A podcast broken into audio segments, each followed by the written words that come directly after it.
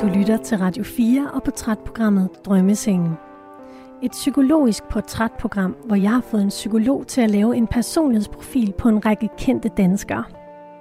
Min gæst svarer, inden vi mødes på 240 spørgsmål, der danner grundlag for fem hypoteser, som jeg læser op for min gæst undervejs. Jeg er altid spændt på at se, om sætningerne stemmer overens med min gæsts eget selvbillede. I dag har jeg taget faven fra Aarhus til Odden og videre fra Rørvig til Hundested for at lande i en lille have. Jeg synes, der er en lille syd, sydlandsk stemning i Ja, vores det er have. det faktisk. Ja. Sådan lidt italiensk. Ja. Og det, øh, det kan vi også godt lide. Vi kan rigtig godt lide øh, syden. Ikke? Altså, det er en lille, det er en lille øh, grøn plet i, i, i Vejby, som er et skønt sted for, i Danmark. Min hovedperson i dag er musiker og har smeltet et hav af kvindehjerter. Men hvem gemmer sig bag det lyse, bølgende hår og den let hæse stemme? Hvordan opfatter han sig selv? Det er spørgsmålet. Mit navn er Katrine Hedegaard. Du lytter til Radio 4 og portrætprogrammet Drømmesengen.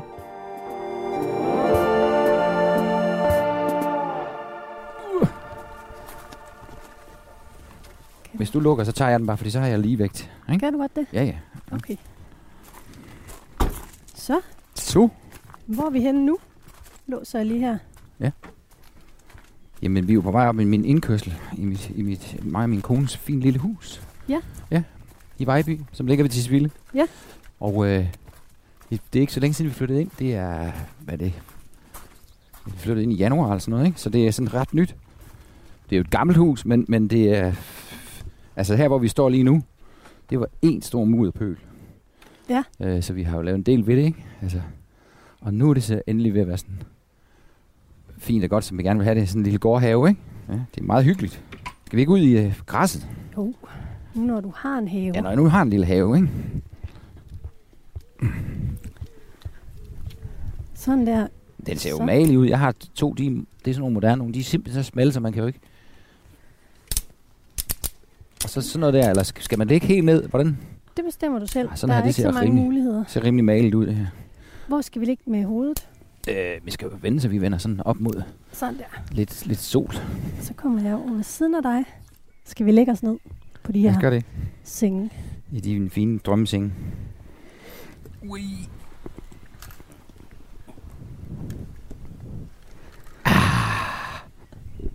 Ligger du godt? Jeg ligger så godt. Søren Sko. Ja. Du er født i 1963. Ja. Din far var skomager i Hammel. Og derfor så fik du kælenavnet Sko. Ja. Hvad er egentlig dit rigtige navn? Jamen, øh, jeg er døbt Søren Svendingård Sørensen. Så et langt, flot navn. Øh, øh, min bror og jeg, vi skøjede Sørensen ret tidligt i, i vores liv, fordi det var så langt. Ja. Men jeg har aldrig, jeg har aldrig rigtig blevet kaldt andet end Søren Sko, siden øh, starten af min skolegang eller andet sted. Ikke? Så jeg, øh, jeg, jeg bruger kun det andet, hvis jeg gerne vil være... Jeg hed, jeg hed jo stadigvæk Søren Svendingård, ikke? Øh, jeg hed faktisk Søren Sko Svendingård, men jeg bruger kun det andet, hvis jeg gerne vil være i fred. Hvis jeg skal tjekke ind på et hotel eller et eller andet som Søren Svendingård, så, så er der ingen, der aner, hvem jeg er. Så det er meget, det er meget praktisk. Det er da vildt smart. Ja, det er det faktisk. Men ellers så er du jo musiker. Ja. I januar 2020, der udgav du din første dansksprogede EP Ja. i al el- elskværdighed. I Ja. al elskværdighed hedder den. Ja. Men hvordan vil du egentlig sådan selv præsentere dig selv? Hvad er vigtigt at fortælle? Øh, hvad, er vigtigt at fortælle mig? Øh, jeg synes, at jeg er et sted i livet, i hvert fald, hvor, hvor, hvor jeg hviler meget godt, øh, øh, og er et menneske, som elsker at lave det, jeg laver. Jeg er forholdsvis nygift med min super skønne hustru, øh, som jeg elsker overalt på jorden, og, øh, og har så endelig fundet et sted, hvor jeg, hvor jeg synes, jeg hører til, her i, her i Vejby, hvor jeg bor. Øh, og lige nu, der synes jeg faktisk, at, øh, at Søren Sko, han er et rigtig, rigtig godt sted. Alt spiller sådan omkring mig. Og det er jo lidt paradoxalt, fordi det har været det, det har virkelig været det værste år i min branche overhovedet nogensinde siden 2. verdenskrig, fordi vi har jo ikke haft noget at lave. Men på en eller anden underlig måde, så har det været en fin, øh, et eller andet sted, en tænkepause, og, og et lille stop op og sige, okay, hvad er det, vi gør og ikke gør.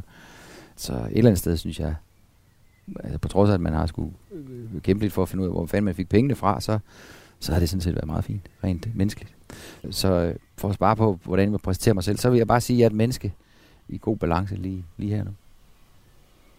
Og tror du, man kan se det i den profil her, du har fået lavet? Det ved jeg ikke. Jeg skyndte mig bare at svare på en masse spørgsmål. Ja. Og jeg, jeg må nok erkende, at jeg tog det meget bogstaveligt, det der med, at man ikke skulle bruge alt for lang tid på at tænke over det. Så jeg, jeg høvlede bare afsted. Det var virkelig sjovt. Ja, du svarede på 240 spørgsmål. Ja, det er jo det. Det er jo en chat, ikke? Og du siger, at du høvlede afsted. man skulle jo, på de her spørgsmål skulle man svare, man var meget uenig, uenig, neutral, enig eller meget enig. Ja. Du har svaret sådan neutral på ret mange af dem. Har jeg det? Ja. Okay. Hvordan tror du, det kan være? Jamen, det er jo, hvis jeg ikke har, haft- hvis jeg ikke har haft nogen sådan, det, det holdning til det spørgsmål, der kommer, så skal man jo ikke gøre sig klog på det. Jeg er jo den type, hvis man ikke, hvis man ikke har noget godt at sige, eller et eller andet konstruktivt at sige om øh, dette og, og hende, så skal man, så skal man bare ellers sige stille. Det er nok i virkeligheden med den på. Ja. Ja. Hvad er det egentlig for en tatovering, du har her? Den der, Ja. der står mit livs lys, og så et M, det er min kone Malene. Og herover har jeg mine drenge, Oscar og Tobias, der står os to, hvis man kan, det kan man godt se, kan man ikke det? Det kan man godt. Du kan godt se, der er et O og et Jo, S det og to. Os to, og de hedder Oscar og Tobias, ikke? Så det er mine Mm. drenge. Fint. Ja, så dem er jeg meget glad for. Ja, Og det er ikke sådan, det fylder ikke hele, nej. det fylder ikke hele kroppen. Jeg bliver bare altid nysgerrig, når der er en tatovering. Ja, men det, som regel er det jo også, øh, fordi de betyder et eller andet, ikke? Ja. Det er jo ikke bare en, en, et skib. Nej.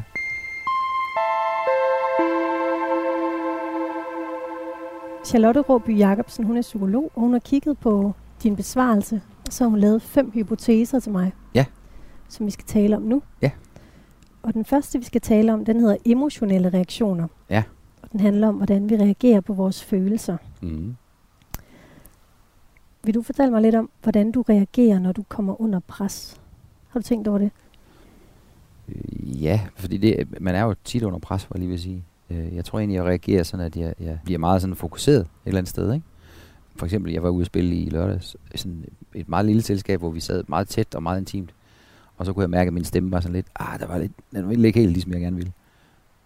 Og så i stedet for sådan ligesom at slå op i banen, så bliver jeg bare enormt koncentreret om lige nøjagtigt den ene ting, jeg skal kunne. Fordi jeg vil nødvendigvis, altså der er jo ikke, der er ikke noget værre, hvis man står og ikke kan levere varen, når man står på en scene. Mm. Så, så, så tror jeg bare, at jeg bliver meget, meget, meget fokuseret og meget koncentreret. Øh, Det håber jeg i hvert fald. Altså, men jeg bor jo i et land, hvor man sådan generelt, i hvert fald der, hvor jeg er, der, der kommer man jo sjældent under pres sådan på den måde. Altså, vi bor et sted, og er et sted, jeg er et sted i livet, hvor, hvor tingene kører meget godt, ikke? Øh, Så jeg føler mig ikke sådan specielt under pres på noget tidspunkt. Men når jeg kommer under pres, og det er store og små pres, så tror jeg egentlig, at jeg bliver rimelig fokuseret på at, at komme så godt igennem det som muligt. Men du siger det her med, hvis, hvis din stemme for eksempel ikke vil, Mm. som du vil til en koncert, er der Mm. andet, der kan presse dig? Ja, det ved jeg sgu ikke. Altså, er, jeg er i hvert fald sådan en type, som øh, hvis der nu skulle være... Altså, for eksempel, da vi ikke havde nogen penge. Vi, altså, vi skulle lige pludselig finde ud af, hvordan fanden, hvor fanden får vi pengene fra? Vi, vi har jo spillet rigtig meget og tjent vores penge på at være ude at spille, og lige pludselig så måtte vi ikke spille, og så, så kommer der ikke nogen penge. Og så, i stedet for at brokke mig helt vildt, og blive ked af det, og sur og gal og, og ukonstruktiv, så tænkte jeg, okay, hvad gør vi så? Vi må kunne finde på noget andet. Altså, jeg, jeg bilder mig selv ind, at jeg gerne vil være øh, løsningsorienteret, når man kommer under pres på en eller anden måde. Ikke? Øh, fordi det, jeg, vil hellere se altså, muligheder end begrænsninger. Der er altid en mulighed i et eller andet. Ikke? Altså, man kan altid komme ud af det på den ene eller anden måde. I din profil, du har fået lavet, der ser det ud som om, at der skal meget til at gøre dig vred eller frustreret. Er det rigtigt? Ja, det er nok rigtigt. Ja. Men til gengæld kan jeg så også blive virkelig gal, når der er sådan der. Men, men altså, nej, det er rigtigt. Der er sækker med lang lunde. Ikke? Altså, Men hvad kan så gøre dig vred eller frustreret, når det så sker? det er længe siden, jeg har været rigtig vred, synes jeg. Men jeg synes jo, når folk, når folk er uempatiske eller hensynsløse, det synes jeg godt nok, øh, det bryder mig ikke om. Altså, altså, jeg forsøger at gøre mig umage med at være sød og rar over for de mennesker, jeg møder. Også dem, som... Altså, hvis jeg nu for eksempel kommer et sted hen, og, og der der er en masse mennesker, jeg aldrig har mødt før, som, som gerne vil have taget et billede, eller jeg kunne aldrig nogensinde drømme om bare at sige, fuck jer, yeah, og skride. Det er der jo nogen, der gør. Der er jo nogen, der ikke gider sådan noget der, ikke? Men jeg forsøger at være sød og rar. Og hvis folk ikke er det over for mig, så, så kan jeg godt blive sur. Jeg synes, man skal gøre sig umage med at, med at være og rar over for andre mennesker. De har jo ikke gjort noget. Nej. Hvordan har du det, når du går på scenen? Øh, Jamen, så er jeg jo spændt. Faktisk næsten ligesom første gang. Altså selvom vi spiller... Hvad spiller vi? Når det ellers ikke er corona, så spiller vi jo små 100 koncerter om året. Og det har vi gjort i mange år. Øh, men jeg er stadigvæk lige spændt, hver gang jeg skal opspille. Det kommer jeg aldrig til at slippe. Så jeg, har, jeg er sådan helt dybt koncentreret. Jeg vil helst lige være lidt alene den sidste halve time op til, ikke? fordi jeg synes, det der med at vente på at skal op og stå og optræde, det er, jo, det er jo virkelig, virkelig træls. den sidste halve time, den kunne man godt være foruden, ikke? Men det er det samme, som det har altid været. Ja. Nu tror jeg lige, at jeg læser den her emotionelle reaktioner Ja. hypotese op for dig. Søren har et roligt sind og fremstår afbalanceret i de fleste situationer. Han har en positiv indstilling og oplever sjældent negative følelser som vrede eller frustration, med mindre noget har særlig personlig betydning for ham. Søren kan til tider opleve at føle sig utilpas eller flov, når han er i centrum eller befinder sig i uvante situationer og bliver optaget af, hvad andre tænker om ham. Mm. Det er meget, det er sgu meget præcist. Ja. Det har hun ramt meget godt. Fordi det sjove er jo, at der er sådan et sjovt skisme i, i, i mig. Det er, at hvad hedder, jeg kan jo godt lide at synge. Jeg kan godt lide at stå der, når jeg er der sammen med mit, mit orkester. Men jeg er absolut ikke født til det. Altså, i virkeligheden, det er noget, jeg skulle, har skulle tvinge mig til i starten. Ikke? Jeg er ikke sådan en... Øh, jeg er sgu ikke født til at stå på en scene. Det er jeg ikke. Øh, nu har jeg så bare tilfældigvis fået den gave, det er at kunne synge en sang, som folk kan lide at høre på. Og så skal man være et skarn, hvis man ikke forfølger det. Men, men det der med at, øh, hvad hedder det, at ligesom stå på en scene, det, er ikke, det har aldrig været det, der sådan har drevet mig på den måde. Hvis, I den helt ideelle verden, hvis jeg selv skulle vælge, så ville jeg da bare stå og lave nogle numre ind i mit studie, og så kunne man sende dem ud. Så, så det, er- det er jo helt rigtigt, at jeg er nok virkelig meget bufærdig omkring det. Men til gengæld, så har jeg en virkelig stor selvtillid i det, jeg kan. Så derfor, det bærer mig så ligesom igennem på den konto. Ikke? Øh, så, så det er helt rigtigt skrevet. Du sagde, det var ikke skrevet i kortene, at du skulle blive musiker. Så hvordan, hvordan men- fandt du på, at du skulle være det? Jamen, jeg har altid været rigtig, rigtig glad for musik. Altså, musik har jo altid fyldt enormt meget i mit liv. Det gør det så stadigvæk, ikke? Også andres musik. Altså, det, musik er bare en meget, meget stor del. Det er lige så vigtigt som mad og, og, og sex, hvad jeg lige vil sige. Det er vigtigt, ikke? Øh, så, øh, jamen, det startede jo tidligt. Altså, jeg har altid sunget og fløjtet. Og da jeg så kom i gymnasiet, så, så mødte jeg jo lige pludselig nogle mennesker, som måske havde det lidt på samme måde som mig. Så, så det der med at gå i skole, det var, lidt, det var hvad det var. Jeg har altid haft nemt ved at gå i skole, men, men vi begyndte at spille musik. Og der På var jeg nemlig ikke, der var jeg ikke sammen. Hvad siger du? På Langkær Gymnasium. På Langkær, jeg er i Tilst. Ja. Øh, uden for Aarhus, ikke? Øh, og hvad hedder det? Og der startede jeg ikke med at synge. Der spillede jeg percussion og alle mulige andre ting. Alt, hvad der kunne slås på. Men så, så fandt de ud af, at jeg kunne synge. Men det var ikke mig selv, der pressede på på, på den led. Men, og så begyndte jeg at synge. Og så fik jeg jo hurtigt tilbagemelding på, hold kæft, det er fedt, ikke? Øh, og så får man jo bygget en selvtillid op omkring det. Og så, så ruller bolden jo bare ligesom. Og så kommer der en hel masse række af tilfældige møder. Og Jeg møder Sanne Salen. ja, i forbindelse med vores første plade? Ja. som var, altså hun var jo vildt begejstret. Jeg, kunne- hun kom ned, jeg kan huske, hun kom ned ad trappen første gang jeg mødte hende, ude i hendes hus. Hun boede ude sammen, med- hun var gift med Matron Nander, som producerede vores første plade, og de boede ude på en fin villa ude på Frederiksberg. Og jeg var sgu over og, og lave, øh, lave noget præ-indspilning sammen med Mats. Og så kommer Sanne ned ad trappen, hun hun er lige stået op, hun kommer i sin morgenkåb, og så, så kigger hun på mig, ja, så smiler hun over hele femmeren, og så siger der sidder han jo, sanger dyret, siger hun så. og jeg var bare, Åh! og så, og så var hun sådan helt op og rave over, ej, hvor synger du dejligt, siger hun så. Og jeg, jeg kunne ikke finde på andet at sige, om det gør du da også, siger jeg så til hende. Kæft, jeg følte mig simpelthen så dum. Sangerdyr. Sangerdyret, det var min første, det var min første melding. Og så kom jeg jo med hende ud at spille, mens vi optog vores egen plade. Ikke? Ja. Det var jo en fantastisk læring, kan man sige. Ikke? For hun, er jo, hun ejer jo scenen, når hun står der. Og der var hun i sin prime lige på det tidspunkt. Det var jo lige efter, hun har lavet sin meget, meget store plade, den der Rusted Kreuzfeldplade, med alle hitsene på. Ikke? Ja. Så hun var jo giga stor dengang. Ikke? Og hvor gammel var du?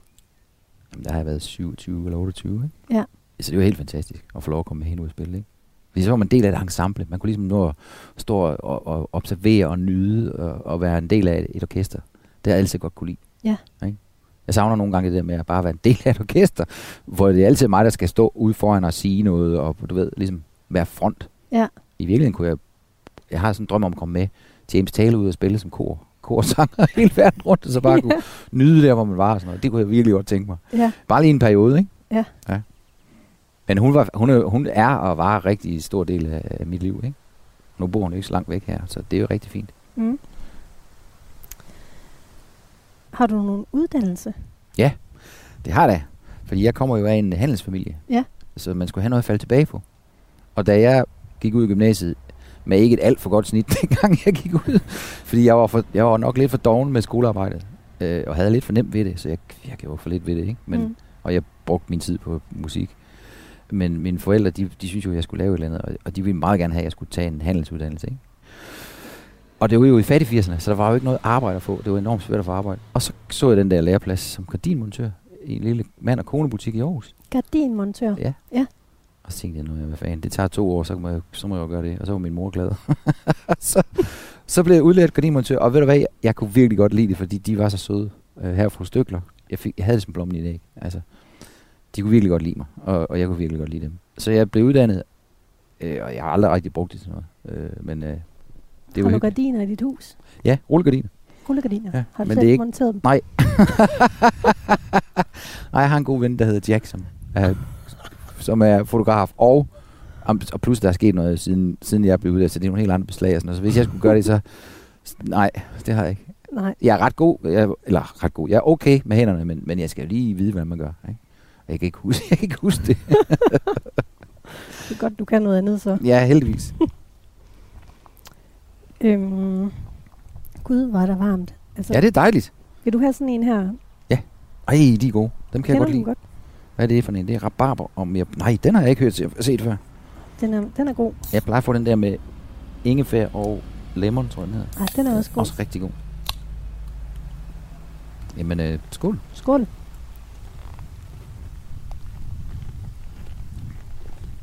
Jeg har jo faktisk, jeg har jo faktisk bare croissanter, til du kom. Så hvis du er sulten, så skal du, så skal du have sådan en, skal du ikke det? Har du det? Ja, simpelthen. Ja, det er altså bare fra en pose for Rema, ikke?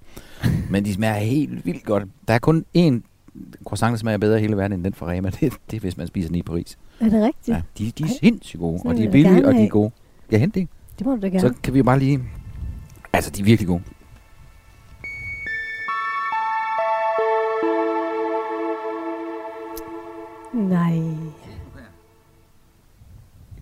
Var lidt sulten. Hvor er det lækkert. Skal vi... Det er simpelthen bare en, man putter i ovnen. Ja, og, og det var min søn, der sagde, fordi jeg havde, jeg havde selv gået og eksperimenteret lidt, og det gik ikke så godt. Og så sagde han, du skal bare købe den med fra Rema, det smager sindssygt godt. Så sagde jeg, ja, kom on. Og han har bare ret, de smager virkelig godt. så bare dyk ind. Tak skal du have. Det er jo også lidt.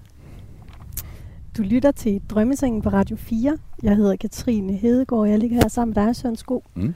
Og du har lige hentet nogle croissanter i en lille kurv. Ja. Du siger det her med, at øh, du lever i et land, hvor man ikke bliver udsat for så meget pres. Men sådan, hvis man... Jeg har læst om din familiehistorie. Ja. Og der har været en del pres ja. og tab der.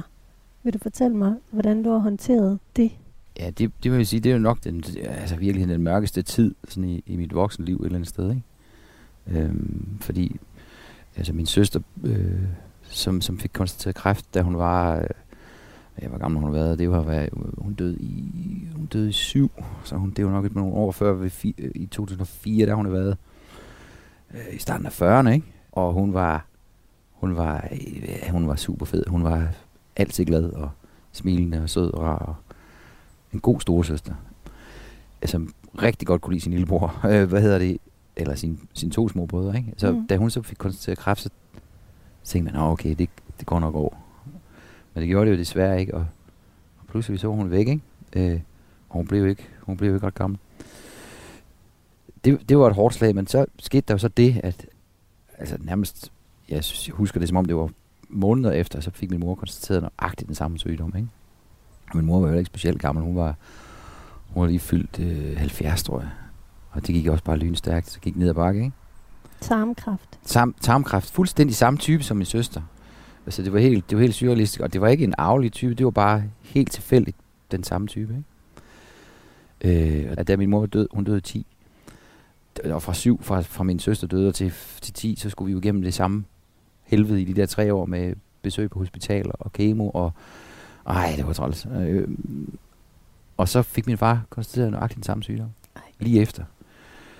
Og jeg tænkte bare, det, det, kan simpelthen, det er jo simpelthen løgn. Og vi har været, min bror og jeg har så været til tjek alle mulige steder. Vi bliver en kortlagt fra mm. top til to, men der er ikke, det er ikke afligt. Det er bare omvendt lotto, eller hvad det hedder. Det er sådan mm. helt sort. Og så i 13 døde han. Det var heldigvis en god slutning på et meget langt forløb fra 7 til 13, hvor vi røg ud af hospital hele tiden. Ja. Så jeg er meget, meget glad for, at det endte på den måde, fordi ellers har det været, så har det været virkelig, virkelig træt. Så vi andre fik også en eller anden form for forløsning. Og vi var der alle sammen, da han døde. Jeg holdt ham i hånden. Synes ligesom, jeg kunne mærke, at han forsvandt. Ikke? Nå. Så det var, ret, det var meget, meget smukt, ikke? når nu skulle være. Vil du fortælle lidt mere om, hvordan det føles, når nogen forsvinder, når man holder dem i hånden? Jamen han, han forsvandt jo øh, gradvist, sådan, øh, kunne man mærke, at han, han, han forsvandt især den sidste uge, og til sidst var han jo heller ikke øh, ved bevidsthed, men han trak jo vejret.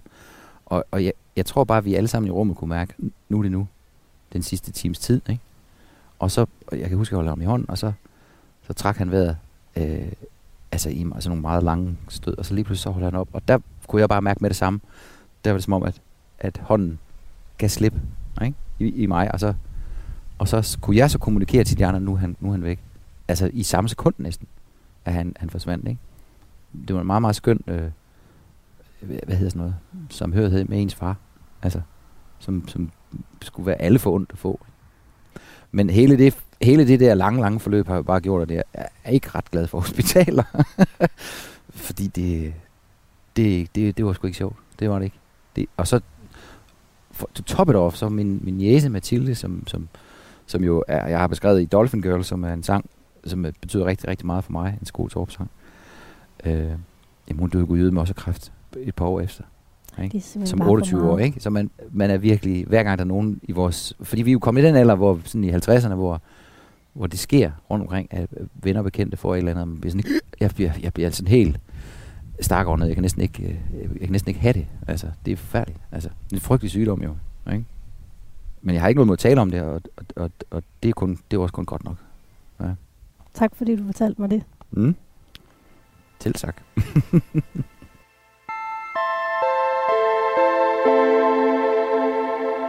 Jeg tager lige en tår øh, Den, sodavand. den smager godt. Den har jeg ikke smagt før. Mm. Men hvad tænker du egentlig selv om døden og, og det at skulle herfra? Er det noget, du, du er bange for? Nej, det er jeg ikke. Jeg er ikke bange for det. Det har jeg aldrig været. Jeg, jeg går absolut ikke og tænker særlig meget på det. Øh, og jeg har ovenikøbet selv haft kræft. Jeg har haft, haft for det ikke så jeg har haft, jeg har haft galopperende hudkræft tilbage i starten af 90'erne. Ikke? Så, men jeg har aldrig tænkt over, at jeg skulle... Altså det, altså, det er jeg ikke bange for. Jeg er ikke bange for at dø.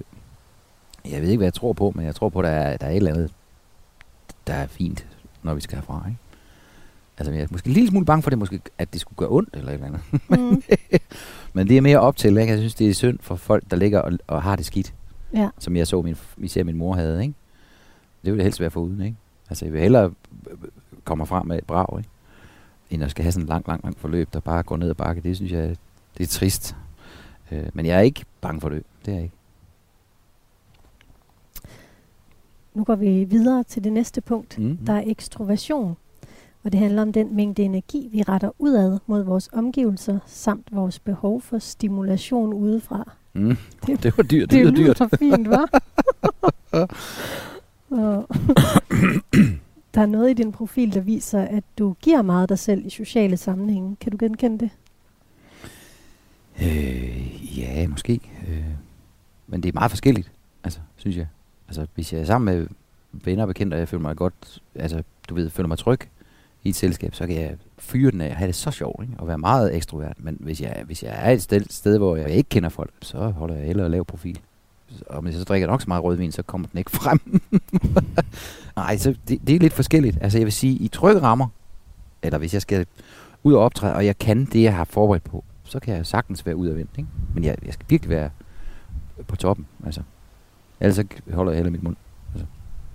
Og når du så fyrer den af, altså ja. i et selskab, hvordan Ja. foregår det så? Jamen, så fortæller jeg historier og, og imiterer folk og griner og har det sjovt. Og, øh, ja, så er jeg faktisk, øh, i virkeligheden er jeg jo ikke et specielt talende menneske. Øh, men så kan jeg godt blive det. øh, Men altså, hvordan er dit eget sociale behov? Øh, jeg får dækket helt vildt meget socialt behov ved det arbejde, jeg har, vil jeg sige. Øh, fordi jeg møder jo simpelthen nye mennesker hver eneste uge. Ikke? Øh, og jeg har mit orkester, Palle og Morten, som jeg kører med, og, som, og vi er verdens bedste venner. Og jeg har mange gode venner og bekendte, som, som vi ser. Og min kone er jo også ekstremt ekstrovert, så, så, så vi har en stor bekendtskabs, bekendtskabskreds. Men jeg vil sige, når jeg er hjemme, så har jeg absolut ikke behov for, for at være sammen med andre mennesker. Jeg elsker at være alene hjemme. Altså, jeg elsker at gå og ikke øh, lave noget, en hel, ikke sige noget en hel dag. Altså. Hvad Så- laver du så? Og så hører jeg musik, så hører jeg, det gør jeg også nu, den, det kan du ikke høre, men da, da, så er der opera. Opera? Ja, så er der opera på, øh, og så går jeg, så går jeg godt, jeg skal have malet nogle stjernebrædder, og, og så går jeg og laver lidt håndværk, ikke? Øh, rydder op og nufler lidt i haven. Og, og, og, Nufler lidt. Ja, du ved sådan godt. Det er et godt ord. Ja. Jamen, der er jo ikke så meget, der skal nufles her. Det er jo sådan meget... øh, det er jo et meget overskueligt sted, ikke? Det er jo mere en gårdhave, den her, end det er en have, ikke? Ja. Men jeg kan rigtig godt lide sådan, at lige, så er der lige lidt, der skal slås og klippes og gøres ved, ikke? Og det kan man jo, det er jo sådan noget, man kan gøre helt solo nu. Og det, jeg elsker at være alene hjemme. Altså, at være øh, øh, mig selv.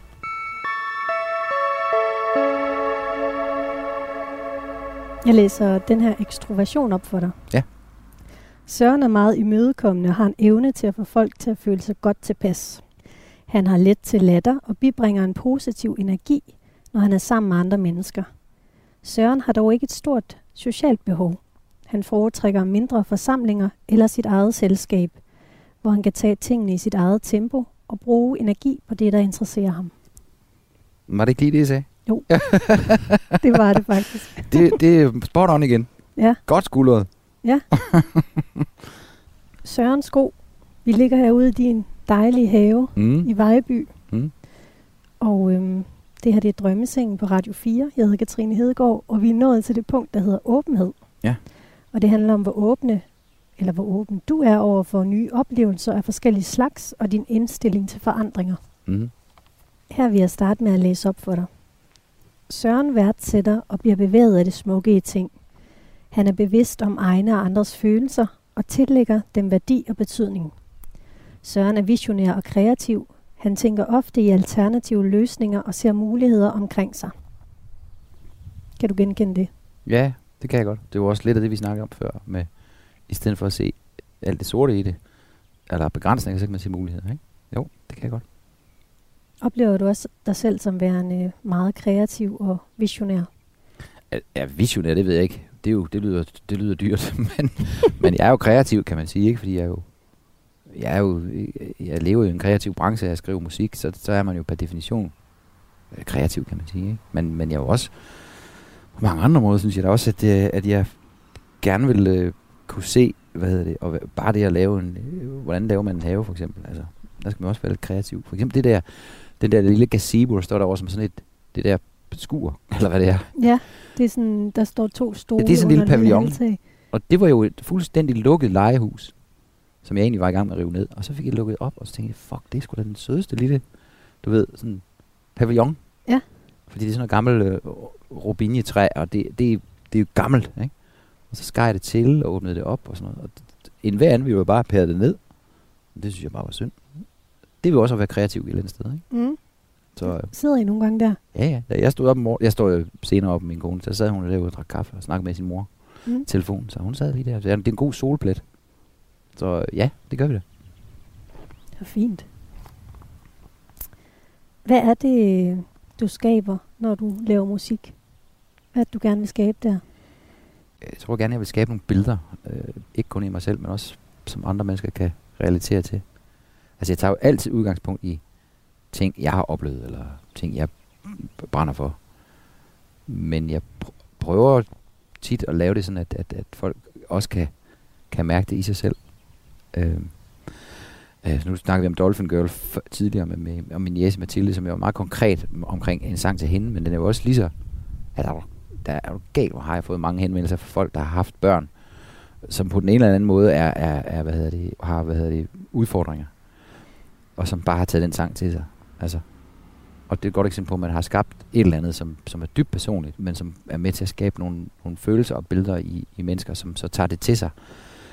Øh, og det er jo det, kunst kan på alle former, og måske især musik, men også fordi jeg kender jo historien, ikke? Ja. Øhm, og han er, hun er her jo ikke mere, ikke? Og hun var også, hun var fuldstændig vild med musik. Og hun var jo helt vild med sin onkel, altså mig, ikke? Og når hun kom tit til koncerter, hun sad der i sin rullestol, og så når der var, hun var så begejstret, når så der var et lille break eller et eller andet i musikken, så kunne man høre hende sige, det er min onkel! Og så synes folk jo bare, at det var det vildeste shit, ikke? Og det gjorde jeg også, jeg blev helt, der blev jeg også rørt, ikke? Og hun har betydet rigtig, rigtig meget, også for min sangskrivning, altså. Hvordan det? Jamen fordi, at den sang er jo skrevet ret tidligt i min karriere. Jeg fandt jo bare ud af, hov, for silence, jeg kan jo godt skrive en sang, som er helt tæt på det, jeg tænker. Og måske øh, er, er sådan, uha, tør man skrive om det, ikke? Øh, men jeg har bare, jeg har bare lært, at i princippet kan du skrive om alt muligt. Altså, du, der er jo ikke noget, der er heldigt, hvis bare du ligesom gør det ordentligt og empatisk. Så det, det, det tror jeg faktisk, jeg har lært rigtig meget lige nok den sang. Jeg har ikke skrevet nogen sang, der er lige så personlig, som den er siden. Det synes jeg ikke selv. Altså, mm. Den der, den er virkelig sådan, står sådan helt... Det synes jeg selv er sådan et, et hovedværk et eller andet sted, hvis man kan kalde det det, ikke? Dagdrømmer du? Nej, ja, det ved jeg ikke, men jeg drømmer nogle gange om... Nej, jeg dagdrømmer ikke. Ikke specielt meget, det synes jeg ikke, jeg. Nej. Du har ellers svaret, nyder fantasier eller dagdrømme. Meget enig. Nå. No. Jamen så er det nok, fordi jeg tænker, jamen jeg ved ikke, om dag, fordi dagdrømmer, det er sådan lidt... Øh, ja, dagdrømmer, det er sådan lidt doven, synes jeg. Nej, jeg kan godt, men jeg kan godt lide at sådan svæve hen i det kedsomhed, ikke? Hvor man så, hvor der kommer ting til, som det er en del af kreativiteten et eller andet sted. Ikke? Så det er, måske, det er måske det, jeg mener. Altså, at det er faktisk vigtigt, at man har de der pauser, hvor man ikke øh, fiser rundt og laver alle mulige ting. Ikke? Fordi det, det er i pausen, kreativiteten opstår. Så det, det er det, jeg mener. Ja. Okay. Har du sådan nogle kæpheste? Sådan nogle traditioner eller normer, som er fast i dit liv? Jeg har ingen normer i mit liv, som ikke kan ændres. Der er jeg simpelthen ikke. Fordi hvis man er stedig omkring nogle ting, så, så er der ikke ret lang tid at blive sur. øh, og jeg er ekstrem omstillingsparat. Hvis jeg kan se noget, der, der er en smartere måde at gøre en ting på, hvorfor skulle jeg så blive ved med at gøre det på en forkert måde? Så øh, jeg kan snilt vendes på en tallerken. Du vendte på en tallerken, eller hvad man kan sige, midt i dit liv. Jeg tænker på, at øh, du forlod din kone. Mm. Du har været gift med i 33 år. Ja. Og vælger at at flytte sammen med din nuværende kone, mm. som du egentlig kun har mødt tre gange. Ja. Og så flytter I sammen. Ja. Prøv at fortælle mig om det, hvis du har lyst til det. Jamen, der er det. Men det er jo sådan noget, som sker i romaner et eller andet sted og film. Øh, jeg har egentlig aldrig forestillet mig, at det skulle ske for mig. Men, men jeg har mødt Malene tre gange i mit liv, og hver gang har jeg tænkt, fuck, hun er sød. Men ikke mere end det, fordi jeg var jo gift, øh, og jeg er jo ikke sådan en, der render rundt og, og er utro til højre og venstre. Så, så det var ikke nogen option.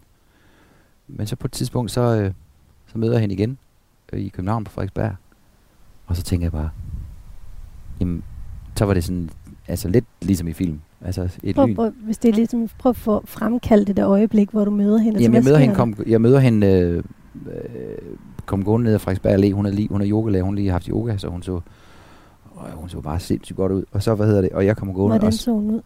Jamen, hun var sådan radiant. Hun, hun var, hun har lige undervist i halvanden time, og det havde været, man kunne se på, at hun var glad og tilfreds. Det havde åbenbart været en god undervisningstime. Så hun skinnede øh, som en lille sol, og hun kom træng med sin cykel. Og så var det jo så bare, at det der, det lyder som den vildeste kliché, men det der lyn, der slår ned og tænker, det her, det, det er simpelthen meant to be. Og det var jo mig, der, der var den drivende kraft i det. Altså, det var ikke hende, og det, det er meget lidt mig. Altså, jeg, jeg har aldrig været sådan udfarende overfor, der er slet ikke over for andre piger. Men jeg kunne bare mærke, at det, det skal jeg bare det her. Øh. Men altså, var det tilfældigt, I, I møder hinanden? Nej, nej, vi havde, vi havde egentlig aftalt, at vi skulle have en kop kaffe, fordi vi jo kendt hinanden, mødte hinanden for 100 år siden. Øh, og også talt sammen og sådan noget, ikke? Så, så det, var, det var egentlig bare, at jeg er i København, kan vi ikke drikke en kop kaffe? Ja, det kan vi godt. Så det var ikke, der var ikke mere i, i det end det. Men det var der så. Altså, og det var så mig, der tog den der øh, hårde beslutning, ikke? som det jo også var. Ikke? Og skulle, og skulle sige, øh, sige til min kone, som jeg, som jeg jo har levet et helt liv sammen med, og fået to børn med, og, som, og har haft det rigtig godt. Øh, men må, hvor gnisten måske i virkeligheden, det kan jeg jo så se i, i bagspejlet, måske var, var, var lidt væk, ikke? Og så skulle sige, at, at det var slut. Det, var, det er så nok noget af det hårdeste øh, ever. Øh, og det, det er jo ikke sjovt. Men jeg har ikke fortrudt det sekund. Malene og jeg har ikke været et sekund i tvivl om, at, at vi er meant to be sammen. Altså, det er vi 100. Og hvad er det, der gør I meant to be? Øh, jamen, jeg, jeg, tror, jeg tror faktisk, det er, fordi vi er så sindssygt forskellige. Hvordan er I forskellige? Jamen, øh, altså helt praktisk, så er der jo nogle rytmer i ens liv, som, som altså, vi kan faktisk begge to godt lide at være, være os selv. Altså, du ved, have vores eget space. Og ikke hele tiden skal sidde lårene af hinanden. Og hun står tidligt op om morgenen. Jeg elsker så længe. Men hun siger ikke, altså hun kommer ikke og siger, nu skal du stå op. Ja, det, det må jeg jo ligesom selv beslutte mig for. Og jeg går også tit senere i sengen, end hun gør. Og, sådan noget. og der er ikke noget, der er ikke nogen løftet pegefinger på noget tidspunkt. Det er jo helt fantastisk. Det kender sgu ikke nogen, der har det sådan. Og så det kan godt være, at jeg er sådan meget sådan... Øh, øh nogle gange er jeg, jeg gerne vil være mig selv og sådan noget. Øh, men hun er jo ekstrem ekstrovert. Hun er jo det mest sociale menneske, jeg kender. Altså. Og har en bekendtskabskreds på størrelse med... Altså, det er jo helt vildt, altså. Øh, rigtig mange veninder og rigtig mange mennesker, hun kender. Og så er hun klogere end mig. Det er også ret fedt. Det er ret fedt at have en partner i livet, der, der er klogere end en selv. Og jeg kender faktisk ret mange mænd, som ikke synes, det er fedt. De bryder sig ikke om, at deres kone hun, hun er smartere end dem selv. Ikke? Men det har jeg det rigtig, rigtig fint med. Jamen, jeg tror simpelthen, det er fordi, vi er så forskellige. Hun er, hun er mørk, jeg er lys. Der, altså, der er rigtig meget forskelligt omkring os. Ikke? Og det komplementerer bare hinanden på alle måder. Øh, så det er fantastisk. Hvis man elsker et andet menneske, så, så skal man bare lige gå lidt længere og længere hver gang. Og så skal man bare have tillid. Altså tillid må være det vigtigste. Øh, tillid og plads til de forskelligheder, vi nu har som mennesker. Ikke? Det tror jeg simpelthen er alfa og omega. Og så holde fast i sig selv også. Ikke? Altså, man skal ikke lægge alt sit væsen over i, i, i den andens kurve, og så sige, nu, nu, han tager sig af det hele, eller hun tager sig af det hele. Og sådan noget. Nej, man skal stå stærk som person i, i et forhold. Det tror jeg, det tror jeg er vigtigt. Søren Sko, Drømmesengen er i fuld gang her på Radio 4. Jeg hedder Katrine Hedegaard, og det er virkelig varmt nu. Det er dejligt. dejligt. Men jeg, du er også mere i solen, jeg er. Ja, kan du, du klare det? Sådan, ja, ja, ah, okay. det kan jeg. Ja. Da du forlod din kone igennem 33 år, det ved jeg ikke, men det kunne da forestille mig, hun var blevet rigtig ked af. Jamen, det blev hun da bestemt også. Øh, ja. Altså, for hende var det, altså du ved, det er, jo, det er jo nærmest ligesom en, der var død, ikke? Og hvor jeg så samtidig render rundt og er jublende glad og lykkelig. Så du kan næsten ikke komme længere væk fra hinanden og, og det der med, at, at man har gjort alting sammen i 33 år, så altså det er jo lige før, det er jo først, hun har lyst til, var at ringe, hvordan skal jeg gøre det? Men det kan jeg jo ikke hjælpe dig med. Altså det er jo svært, ikke? Fordi et eller andet sted har man jo lyst til at hjælpe, men det kan man jo ikke. Altså jeg, det er jo min skyld, at hun har det sådan der, så kan jeg jo ikke, jeg er jo ikke den, der skal hjælpe, men jeg kan jo ikke. Mm. Det synes jeg faktisk var svært, ikke? Men, men jeg har jo ikke, jeg har jo ikke fortrudt at, et sekund, at det var det, der skulle til. Så jeg, selvom det gør sindssygt ondt på den anden, så var det kun godt. Og nu mødte jeg hende lige i går, hun har det jo godt. Altså hun er jo kommet ovenpå, hun har kan finde ud af, at holde kæft, jeg kan nogle ting selv, som jeg måske har taget mig af tidligere, ikke? Så jeg synes jo, et eller andet sted, så hun, så hun måske virkelig kommet ud af det stærkere, end hun var som, som menneske, uden mig. Ikke? Så det, jeg tror, det var godt. Du har svaret øh, noget lidt interessant her, som jeg lige vil spørge dig ind til. Du har svaret på spørgsmålet, vi burde søge råd hos religiøse ledere enig? Ja, det er også rigtigt. Jeg kender en præst, der hedder Lars Gustav, som har sagt nogle rigtig kloge ting til mig. Han er ikke engang ret gammel, han er kun et par 30. Det var ham, der ved, ja. Ja. Udover at han er præst, han er også bare mega vis. Ikke? Jeg synes faktisk, man en gang imellem lige skal stoppe op og sige, er der ikke andet i livet end, end corona, og, og hvorfor hedder det praktik og videnskab? Fordi det er der jo. Og nogle af de klogeste mennesker i, der har været i, i historien, har også tit været meget religiøse. Einstein og sådan nogle, de spekulerede over Gud, og selvom han havde de vildeste matematiske teorier, så var han da godt klar, at der var noget mere end det. Så en gang imellem, så, så, så synes jeg, at det er vigtigt lige at tage en snak med et menneske, som ikke er så vidensrelateret, øh, men som tror på et eller andet. Så ja, det, det, fordi det er, det kan være vist og fornuftigt. Hvilke gode råd har du fået fra religiøse ledere? Jamen, hvis man siger, at Lars Gustav er en religiøs leder, det er han jo. Han er jo han er præst, så han er leder af en menighed, kan man sige. Han, han sagde til mig ret sent i mit liv, at Søren, du skal altid sige sandheden, uanset hvor ondt den gør. Og det har jeg så bestræbt mig på at gøre efterfølgende, ikke? Fordi det, det har jeg måske ikke altid været lige god til. Jeg er sådan, fordi jeg netop ikke vil støde folk, eller være, gøre dem kede af det, eller så, så ligesom pakke tingene lidt for meget ind, ikke? Men, men det der med, at man bruger de der 10 sekunders mod til at sige sandheden, og så må man så tage det skrald, men det er meget, meget nemmere at deal med sandheden, end med løgnen for eksempel. Ikke? Det bliver bare værre og værre. Men sandheden kan du altid deal med. Den kan du handle ud fra. Ikke? Har du gået rundt med sådan nogle løgne? Jamen, jeg har jo løjet for mig selv, og det jeg måske troede, at jeg var godt gift, for eksempel. Ikke? Det kan jeg jo se nu. Det har jeg jo ikke været. Uanset om jeg har mødt Malene eller ej, så, så er det ikke sikkert, at jeg skulle have været blevet i det, jeg var i. Ikke? Men der har jeg jo også stillet nogle ting op for mig selv, måske. Ikke? Og det skal man jo ikke. Det skal man jo ikke. Altså, der skal man lige give sig i spejl og så sige, Nå Søren, hvad er rigtigt og forkert i det, jeg har gang i her nu? Ikke? Øh, så det handler jo lige så meget om en selv. Sige sandheden til dig selv, altså sætte den i øjnene. Ikke? Det er blevet meget bedre til. Øh, og det er jo sådan et, det er et dybt banalt råd, men det er delen dybt med også øh, et råd, der, der virker. Ikke? Mm. Nu er vi nået til det punkt, der hedder venlighed. Det handler om den rolle, du påtager dig i relation til andre mennesker, og hvor modtagelig du er over for andres opfattelser. Mm-hmm. Hvad tror du, andre tænker om dig? Hvis vi nu spurgte Malene eller din bedste ven, hvordan øh, vil de så beskrive dig? Øh, jamen, jeg tror, at de vil beskrive mig som en, øh, et øh, venligt, empatisk, sødt og rart menneske. Det vil jeg da håbe. jeg ved det jo ikke. Ja, det tror jeg. Alberte, hun sagde engang til mig, fordi der var sådan, vi sad i et interview, et interview, hvor, hvor der så kom, så siger interviewen, der var lige kommet sådan en liste med de 10 lækreste mænd i Danmark. og der var jeg heller ikke på. Og så, siger, og det, og så jokede jeg lidt med det, men så, ej, der var jeg igen ikke med. Så kigger Alberte på mig, og så siger hun, jamen Søren, det er jo fordi, du er sådan en, man gerne vil giftes med, siger hun så. Ikke? Jeg tænker, okay. Så, så måske er det sådan, at, at man tænker på mig i stedet for, ikke? Øhm, det vil jeg da synes var fint. Jeg var sådan lidt stødt over det faktisk lige i start, for at tænke, øv, jeg ville da hellere være sådan en lækker mand, men det var lige meget. Jeg, hun ville hellere giftes med mig. Men, men det er jo også enormt sødt. Ja. ja? Så øh, hold fast i det. Du er virkelig øh, damernes ven. Der må der være rigtig mange damer, der er faldet for dig i, øh, i årenes løb. Jeg kan, ikke, jeg kan ikke se, når piger de flørter med mig. Altså det, kan jeg, det har jeg aldrig kunne se.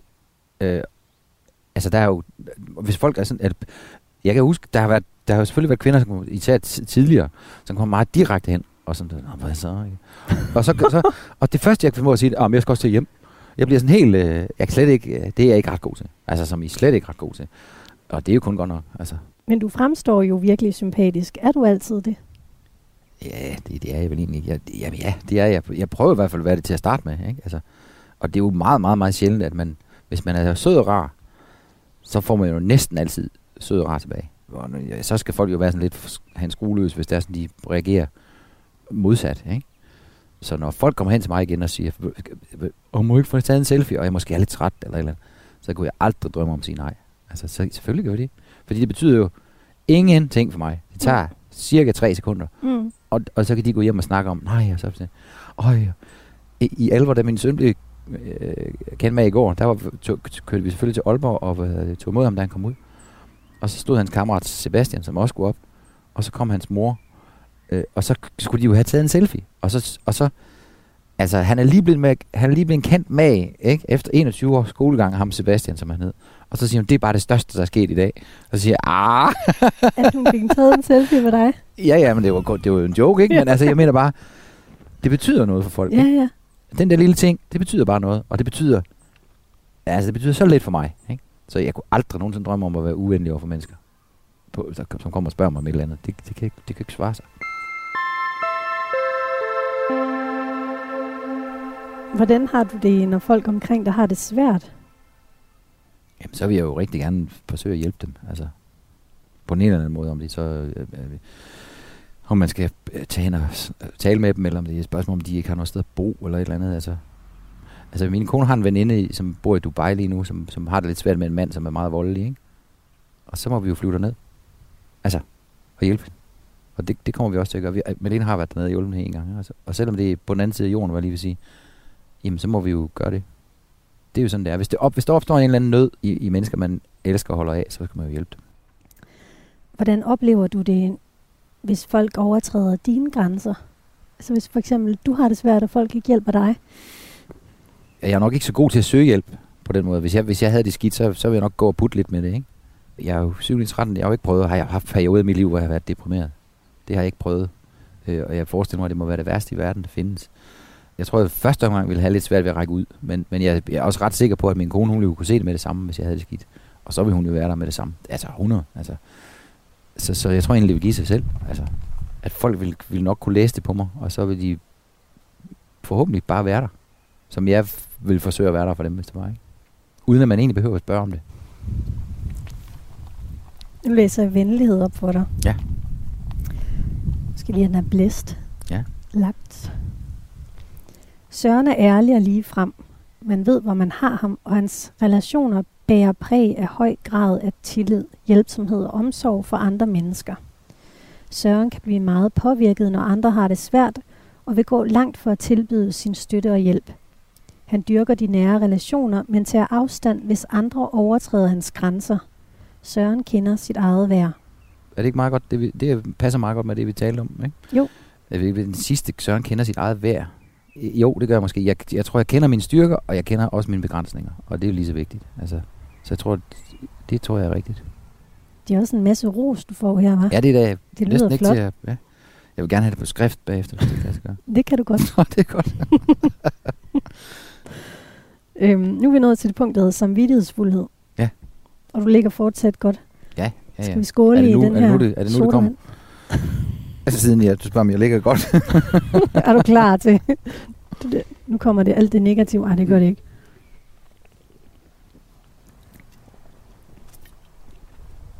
Samvittighedsfuldhed. Det handler om, hvor stærk vores beslutsomhed er, og hvor stort vores drive er i forhold til at nå vores mål. mm-hmm. Du har også svaret på spørgsmålet, stræber efter at udmærke sig i alt meget enig. Ja, men det synes jeg da også, man skal. Altså, hvis man, altså, man skal jo ikke bilde sig selv ind, at man er verdens bedste til at spille badminton, hvis man ikke er det. Altså, så skal man jo... Øh, enten skal man jo træne som en sindssyg for at blive det, eller også skal man bare... Øh, nå, men det var, det var så ikke det, jeg skulle. Så kan jeg godt hygge chat og sådan noget, ikke? Men, men i, de, i de der ting, hvor du går ind og gerne vil være god, fordi du mener, du har en eller anden øh, evne til noget, så skal du jo også styrke den fuldt ud. Så derfor, det er rigtigt nok. Jeg, hvis jeg mener, jeg kan et eller andet, så vil jeg gerne være den bedste til det. Jeg vil simpelthen... Øh, øh, jeg vil simpelthen være, være den bedste version af mig, hver gang jeg optræder. Og, og det vil sige, at jeg, jeg, kan godt være, jeg kan godt være en lille smule øh, fixeret på detaljer nogle gange, hvor, hvor, hvor, hvor efterfølgende, så er det kun mig selv, der har lagt mærke til, at jeg gjorde et eller andet, whatever. Ikke?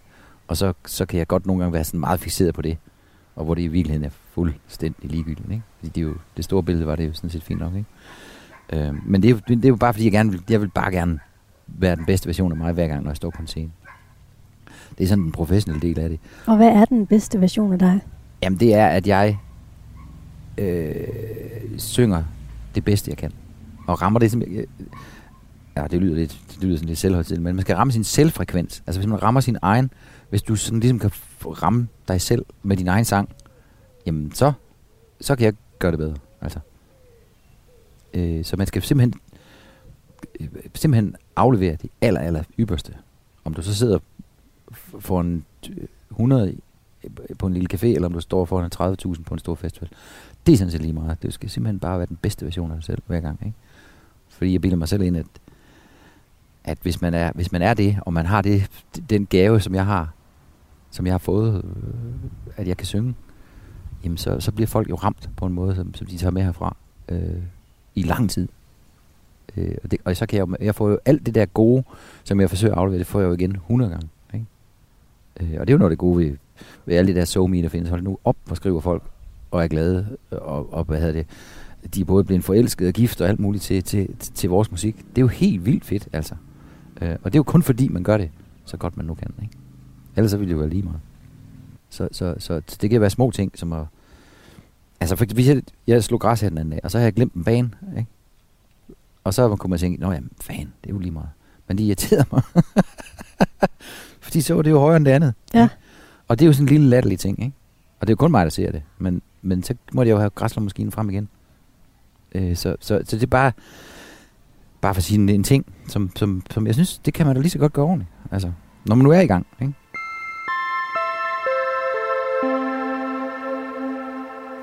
Du har sagt flere gange det der med, at du er klar over, hvad du er god til, og hvad du er mindre god til. Mm. Hvad er du god til, og hvad er du mindre god til? Åh oh, Gud. Øh, jeg er god til min profession. Det er jeg god til. Og hvad er musiker, Ja, sangskriver? det, er, det, det synes jeg, jeg er god til. Det har jeg i hvert fald rigtig, rigtig godt med. Jeg har mit eget univers i det, og det synes jeg, jeg er god til. Men hvad er jeg mindre god til?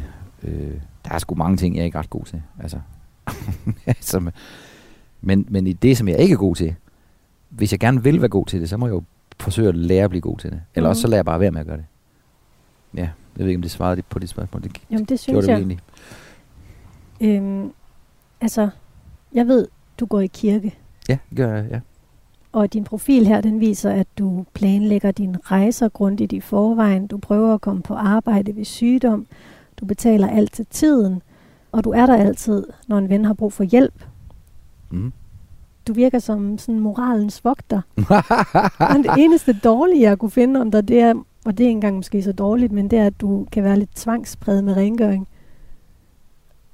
Øh, hvordan tvangspræget? Altså, det har du bare svaret.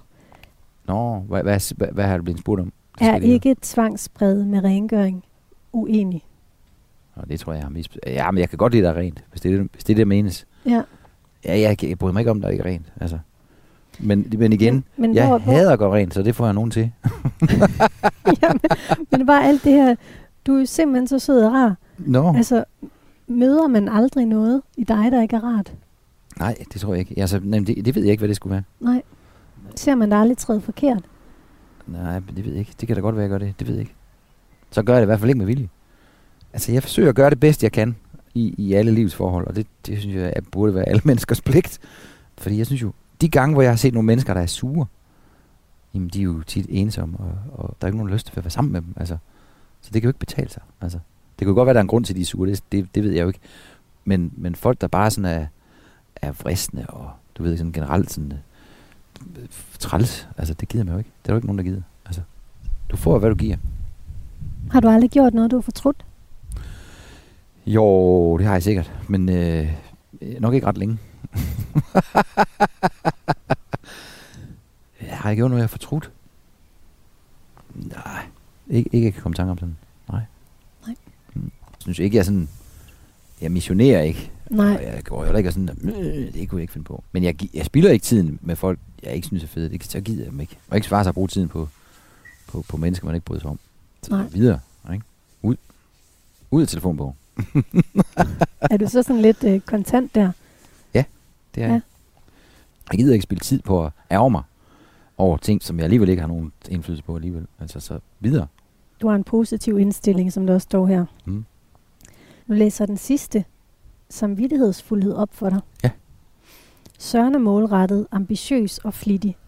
Han udfordrer sig selv og gør en indsats for at lykkes og nå i mål med de ting, som er vigtige for ham. Samtidig søger han en god balance mellem det, han skal og det, han har lyst til. Han er selvreflekterende og har en god fornemmelse for, hvor han har sine styrker og udfordringer. Søren vil oftest blive opfattet som pålidelig og som vidtighedsfuld. Hmm. Jamen, jeg, altså, jeg, jeg er så tilfreds med den der, øh, hvad hedder det, udredning, du går i gang i. ja, altså, det kan jeg jo ikke sige noget til anden. Nej, tak. Jamen, du er jo også simpelthen så rar. Tag en croissant. Ja. Tak skal du have. jeg har slet ikke sat tænderne i dem Nej, nu, fordi jeg kan sidde og knaske her. Ja, men det, lad os vente med det. Men øh, altså, øh, vi er faktisk nået i mål, mål ja. med det, jeg havde på mit papir her. Ja. Hvad tænker du om det, jeg har læst op her? Har du genkendt dig selv? Ja, men jeg synes jo, det er sådan meget øh, rosenflot, ikke? Altså, men altså, hvis det er det, man får ud af at svare på de der spørgsmål lynhurtigt, så kan jeg da kun være tilfreds. Det synes jeg er et rigtig godt sted at slutte. Det synes jeg også. Så skal man jo op igen. Lå jeg lige så godt. Jeg tror lige, jeg skal have spændt dem lidt, når jeg kommer hjem. Så Ah. jeg ah. løse i det. Tiden den flyver også, var. Klokken Ja. er allerede kvart i tre næsten. Hold op. Er det ikke rigtigt? Jo. Det føles jo som om, bare talt i en halv time. Sådan er det i godt selskab. Ja, det er jo det. Hvad skal den så? Den skal den vej der. Ja. Det er sådan en rigtig old school drømmeseng, du har fundet her. Jamen, det er det. Altså de der nye, moderne, man køber, de er jo nær så fede som den. De er meget smallere. Tusind tak, Søren. Tak selv. Jeg slukker her. Ja.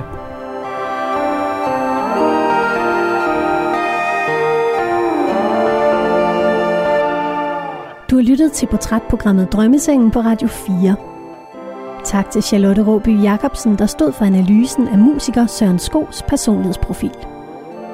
Du kan finde alle drømmesengsportrætterne som podcast, lige når det passer dig. Programmet her var redigeret af jeg, Snørgaard Alstrøm. Musikken var komponeret af Steffen Nordenstam. Mit navn er Katrine Hedegaard. Tak fordi du lyttede med.